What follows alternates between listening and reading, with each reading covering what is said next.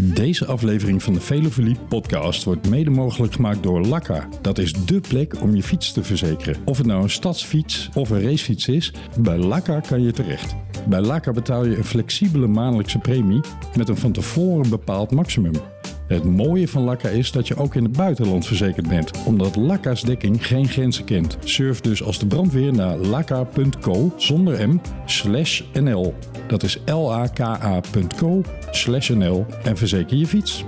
Door naar de show. Buongiorno Giro. Ik ben Peter Winnen en je luistert naar de Velofolie podcast.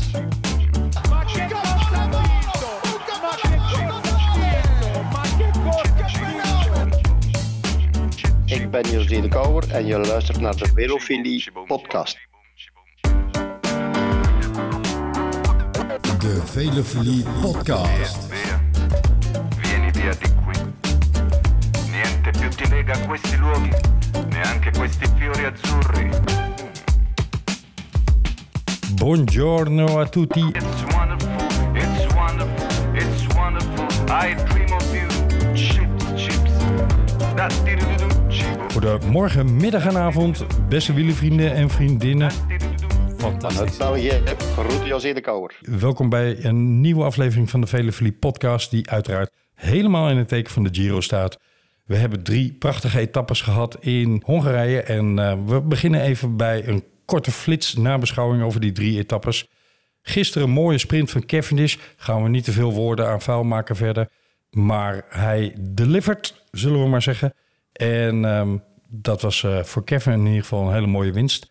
Ewan hm, viel een beetje tegen. Maar ik wil het over andere zaken met jou en jou gaan hebben. Jeroen en Wesley, welkom. Mannen, we gaan het vooral over etappe 2 en over etappe 1 hebben.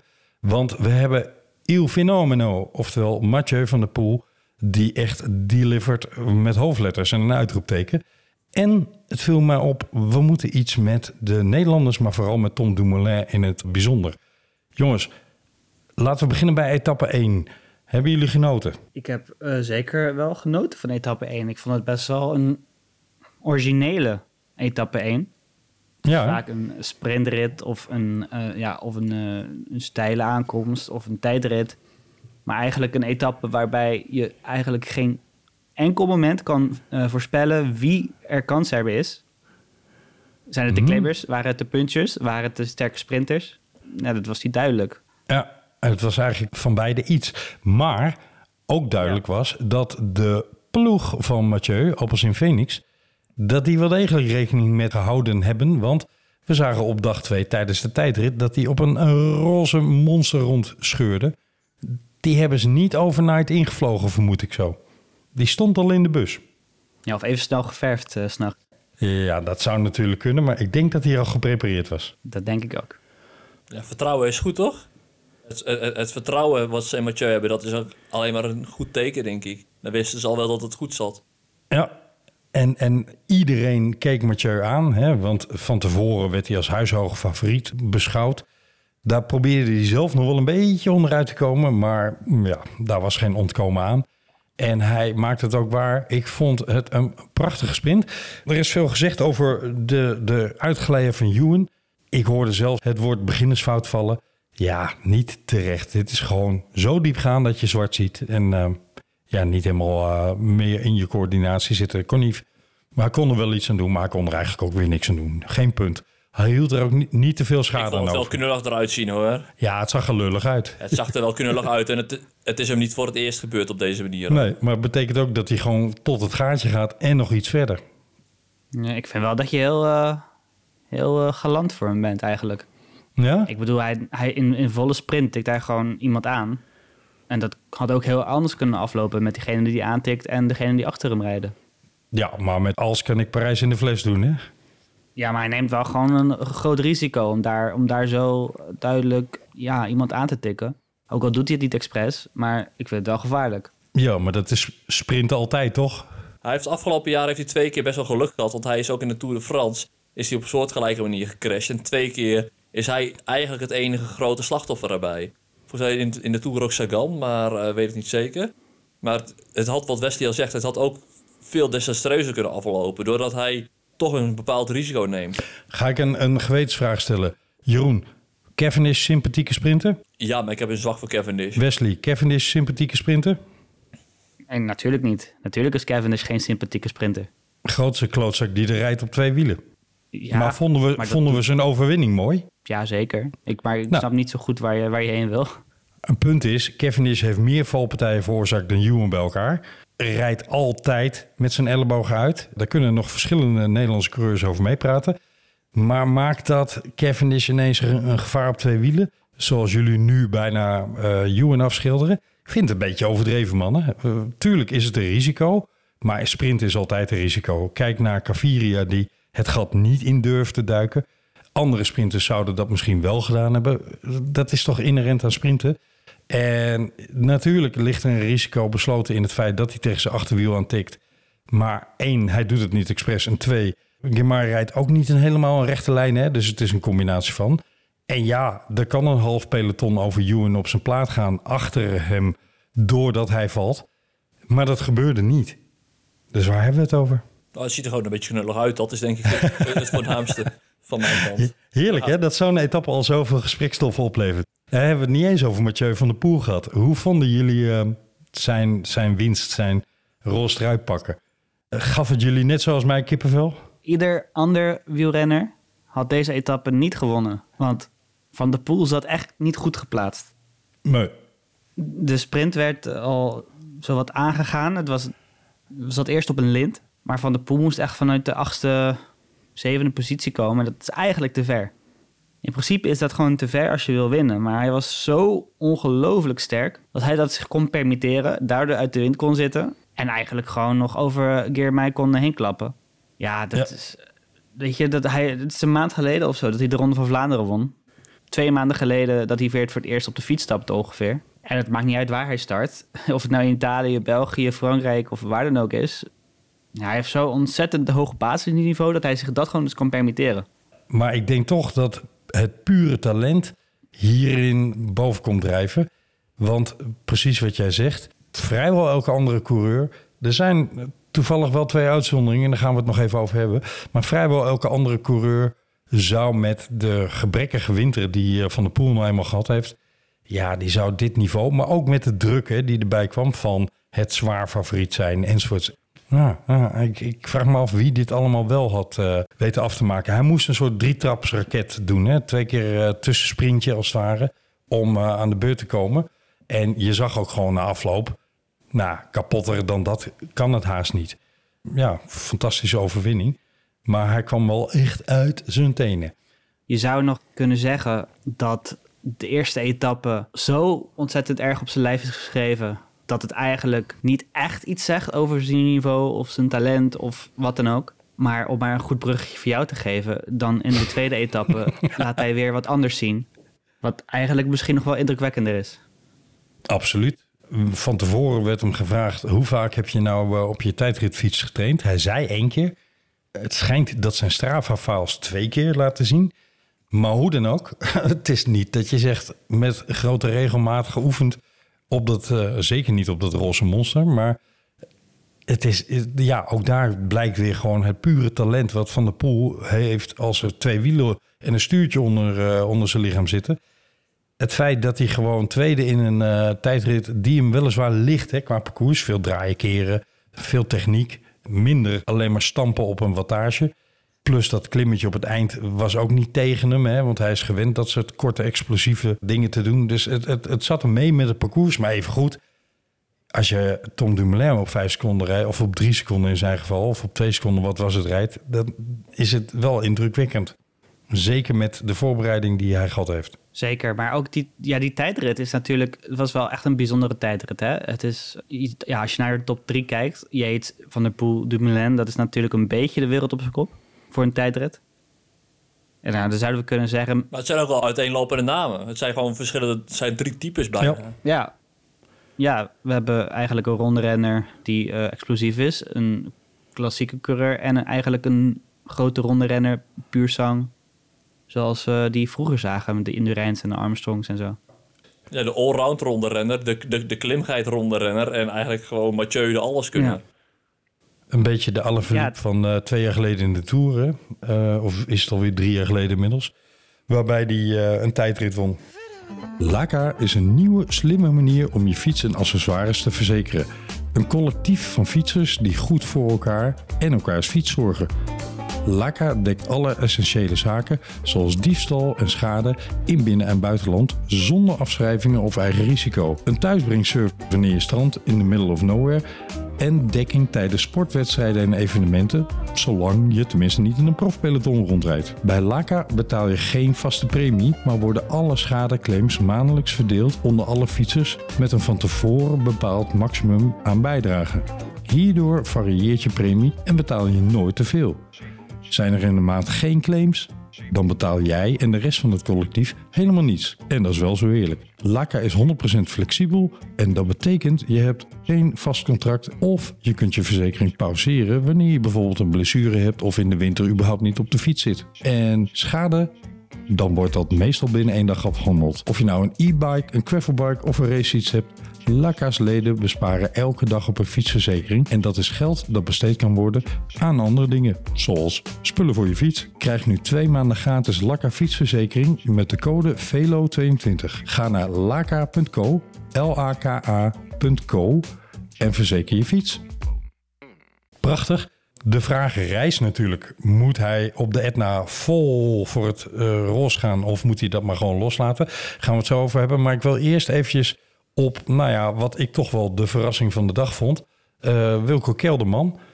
Los van dat die man goed kan tijdrijden, maar met zijn gebrekkige voorbereiding is het fenomeen Kelderman ook wel weer eh, opgestaan.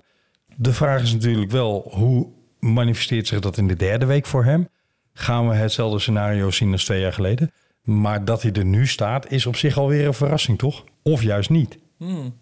Ik heb vooraf aan de Giro heb ik een interviewtje met hem gezien. En daar was hij heel bescheiden in. En ook sprak hij uit dat hij weinig zelfvertrouwen had. Maar toch vond ik hem in dat interview, ik vond hem heel monter overkomen. En hij kwam, hij eh, zei met woorden dat hij weinig zelfvertrouwen had. Maar toch had ik het idee dat daar toch een man stond die zelfvertrouwen uitstraalde. En de eerste dagen in de Giro laat hij ook gewoon zien dat hij bij de pinken is. En dat hij ook eh, op die punch-etappe, etappe 1, dat hij er, volgens mij is hij daar ook vijfde of zevende Ja. geworden. Zij zitten gewoon echt Ja. goed bij. Ik heb, bij hem heb ik echt wel een goed gevoel dat hij wel, eh, misschien wel podium kan rijden zelfs. Ik denk dat hij echt een mooie Giro kan gaan rijden. Ik hoop het ook, want ik hoop dat zijn basis diep genoeg is om dat in die derde week goed vol te houden. Maar ja, als er iemand weinig voorbereiding nodig heeft, is het gebleken de afgelopen jaren, dan is Kelderman wel. Dus, maar ik vond het toch de verrassing van de tijdrit dat hij zich zo goed manifesteerde. Zijn er wat jullie betreft nog andere tijdritpunten waarvan je zegt opvallend? Ik zeg maar wat, de winnaar. Ja, dat, dat sowieso. Maar ik, daar is wel een verklaring voor, denk ik, waarom Yates het zo ontzettend goed heeft gedaan. Mhm. Ten eerste heeft hij geoefend op de tijdrit. Dat is eh, best belangrijk. Zeker. Hij heeft eh, de winter heeft hij doorgebracht Behalve als je de Mathieu van der windtunnel. Poel heet. Nou ja, oké, maar Van der Poel is een uitzondering op alles, zonderhand. Heel fenomeno. Ja. Ja, eh, maar Yates heeft echt wel serieus geoefend op de tijdrit. Dat zagen we ook in Paris-Nice al. ja. Waar hij ook Roglic eh, eigenlijk gewoon bij kon houden. En Jezus komt natuurlijk wel van verder. Hè? Jezus die kon eerder net zo goed tijdrijden als Miguel Angel Lopez en Romain Bardet gecombineerd. Ja, nee, dat is wel zo, ja. Eh, Zo, zo. alleen, de- deze tijdrit was zo ontzettend technisch. Zoveel bochten, zo kort. En dan ook nog zo'n explosieve finish. Is dat het echte vermogen om te tijdrijden... dus dan echt op een, hoog, of een grote versnelling... lange rechte wegen... waar Dumoulin eigenlijk wel gewoon in uitblinkt... ja. dat had je nu eigenlijk heel weinig. Waardoor zo'n zo'n tijdrit wel uitermate geschikt is voor Yates om dan een keer te winnen. Eens. Ik denk Ja. dat Dumoulin hier derde wordt. Ja, dat, dat zegt eigenlijk best wel wat over zijn vorm. En dat, dat, dat, is, dat hij heel goed is eigenlijk. Want het was absoluut geen tijdrit die op zijn lijf geschreven is. Ook al zegt hij zelf wel gewoon goed te zijn in het bochtenwerk. Wat ook zo is natuurlijk. Maar het is niet waar hij de tijd gaat pakken op een eh, Yates of een Van der Poel. Zeker niet Nee. Van der Poel. Nou is Dumoulin op zich natuurlijk ook niet de, de wattagestamper die eh, in eh, zijn dagen Miguel en Rijn was. Hè. Het is een ander soort tijdrijder. De beste tijdrit voor Dumoulin is tussen de 30 en de 50 kilometer met een geaccidenteerd parcours. Maar het verbaasde mij na afloop wel dat Dumoulin toch nog enigszins ontevreden was. Ik dacht, nou man, knijp in je handen joh. Dat is een fantastische uitslag. Kun je verder mee bouwen, toch? Nou ja, het verschil tussen een fantastische uitslag en daar kun je verder mee bouwen, dat vind ik nog best wel evident. Nou, gezien het voorjaar wat hij gereden heeft, was ik buitengewoon opgelucht dat hij zo'n goede tijd reed en dat hij maar net verslagen werd. En kijk, dat je door het fenomeen van de poel verslagen wordt die zich vastbijt in het roze, kan gebeuren. Voelt vast niet heel lekker, maar het kan gebeuren. En volgens mij kunnen die twee mannen elkaar goed hebben. Dus ik denk dat dat niet heel erg steekt. Dat hij door Yates geklopt wordt, nou, dat zal hem wel, eh, dat zal hem wel even prikkelen.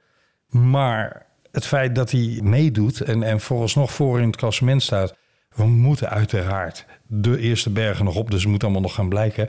Maar het lijkt erop dat zijn vorm toch in ieder geval goed genoeg is... om nu al voor in het klassement te staan. Valt mij mee. Ik eh, had erger verwacht, eerlijk gezegd. Mm, Ja, ik had, ik had niet zozeer erger verwacht. Ik, ik, ik ben blij dat hij eigenlijk een beetje teleurgesteld was. Dat zegt Tuurlijk. wel wat over wat hij toch wil. Ja, het, het laat zijn te honger zien. kunnen, deze Ja. Giro. Ja, nee, eens. Maar tegelijkertijd, het glas is half vol en half leeg. Hè? Maar je moet niet te vaak zeggen dat het half leeg is. Want dan ga je er zelf in geloven. Dus hij moet zichzelf ook wel een beetje oppeppen van... kom op jongens, sta er. Ik sta er, kijk maar. Goede uitslag gereden. Eh, en ik hoop dat, dat de rest van de Giro eh, zich doorzet. Hebben we nog ehm, talking points over de tijdrit, jongens? Jeroen? Ja, ehm, Sosa, dat viel me wel echt op. Dat moest de klassementsman worden voor, eh voor Movistar. En die eindigt bij de laatste vijf. Die, die wordt, die wordt volgens mij 100, 167ste of zo. Dus dat vond ik echt wel vrij bizar. Dat is niet best. Dat is misschien wel... Nee, die, die is het echt, echt de laatste, laatste vijf sowieso. Ik, ik meen dat hij zelfs op een paar minuten is gereden. Ik heb het zo niet paraat, maar dat viel me echt op. Ik heb, toen ik niks te doen had gistermiddag... Er was een wandeletappe of zo. Toen heb ik uiteindelijk de hele, de hele tijdrit-uitslag doorgekeken op Pro Cycling Stats. En hij stond dus echt bij de laatste paar rennen. hij is ingehaald door Tobias Vos op 9,2 kilometer. Hm. Ja, dat is... eh, Ja, dus dat, dat vind ik wel, dat is eigenlijk wel, wel zonde. Dus ja, misschien dat, het, dat hij nu in de bergen extra moet gaan aanvallen, omdat hij nu al op zo'n korte te- tijdrit al zoveel heeft verloren. Maar eh, zijn klassement, dat is, eh, hij had een stuk beter kunnen beginnen, laat ik het zo Hij zeggen. staat al op 1 minuut 34 uit mijn hoofd. En daarmee nou, heeft hij in ieder geval eh, een positie waarbij hij zal moeten gaan aanvallen. Wil hij iets betekenen in het klassement? Valverde heeft verklaard, want laten we wel zijn, beide kopmannen van Movistar waren afwezig. Maar Valverde heeft verklaard, ja, ik wilde eigenlijk niet voluit gaan, want ik wilde niet vallen. Ik kan me een bepaalde valpartij van Valverde in de proloog herinneren, waarbij hij... eh, In Düsseldorf brak hij ja, knie. daarom. Dus ik kan me dat van zijn kant uit toch wel enigszins voorstellen hoor. Zegt wat mij betreft nog niet zoveel. een jaar later werd hij wereldkampioen. ja, ook dat. Maar misschien gaat Sosa nu al ten onder aan het feit dat Valverde hem kopman eh, genoemd had. En eh, dat de ploeg voor hem zou rijden. En zoals we weten gaat dat binnen Movistar niet altijd even goed. Sommige renners stappen dan zelfs af. Die serie, beste luisteraars, komt trouwens gewoon wel op Netflix. Hè, voor de mensen die niet opgelet hebben. Hij zou eigenlijk al op Netflix moeten staan. Deel 3 van El Dia Menos Pensado. Maar ik weet niet wat de vertraging is. Maar hij moet wel weer op Netflix eh, gaan verschijnen. Dus hou dat gewoon in de gaten. Moet de moeite waard zijn. Korte vraag vooruitblikkend, mannen. Ehm, de Etna. Eén, gaat het van de klassementsmannen zijn? Of gaat het van een ontsnapping zijn? Ik denk dat het voor de klassementsmannen gaat zijn.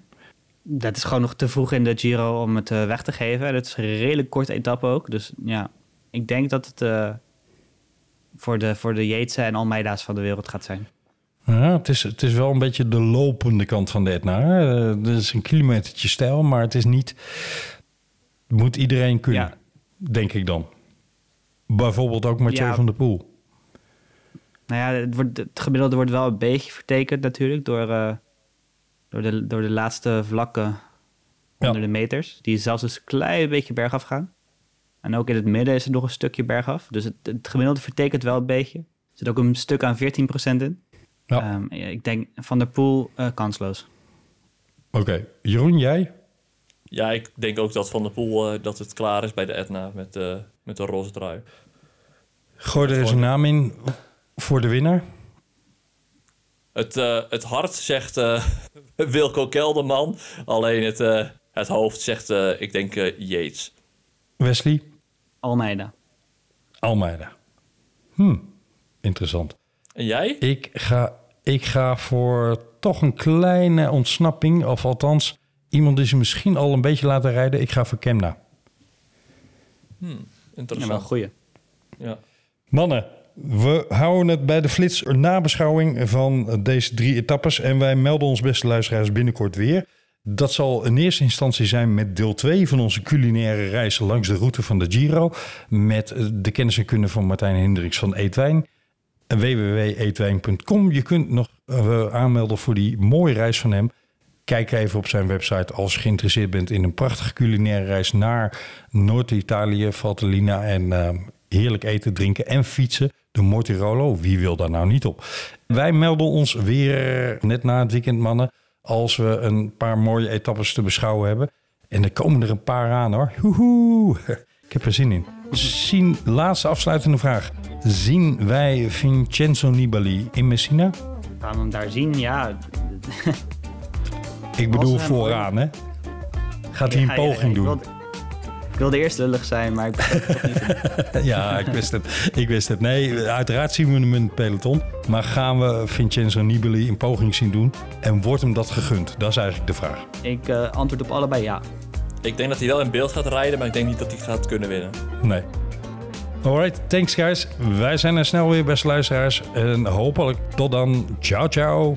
Ciao. Hoi hoi.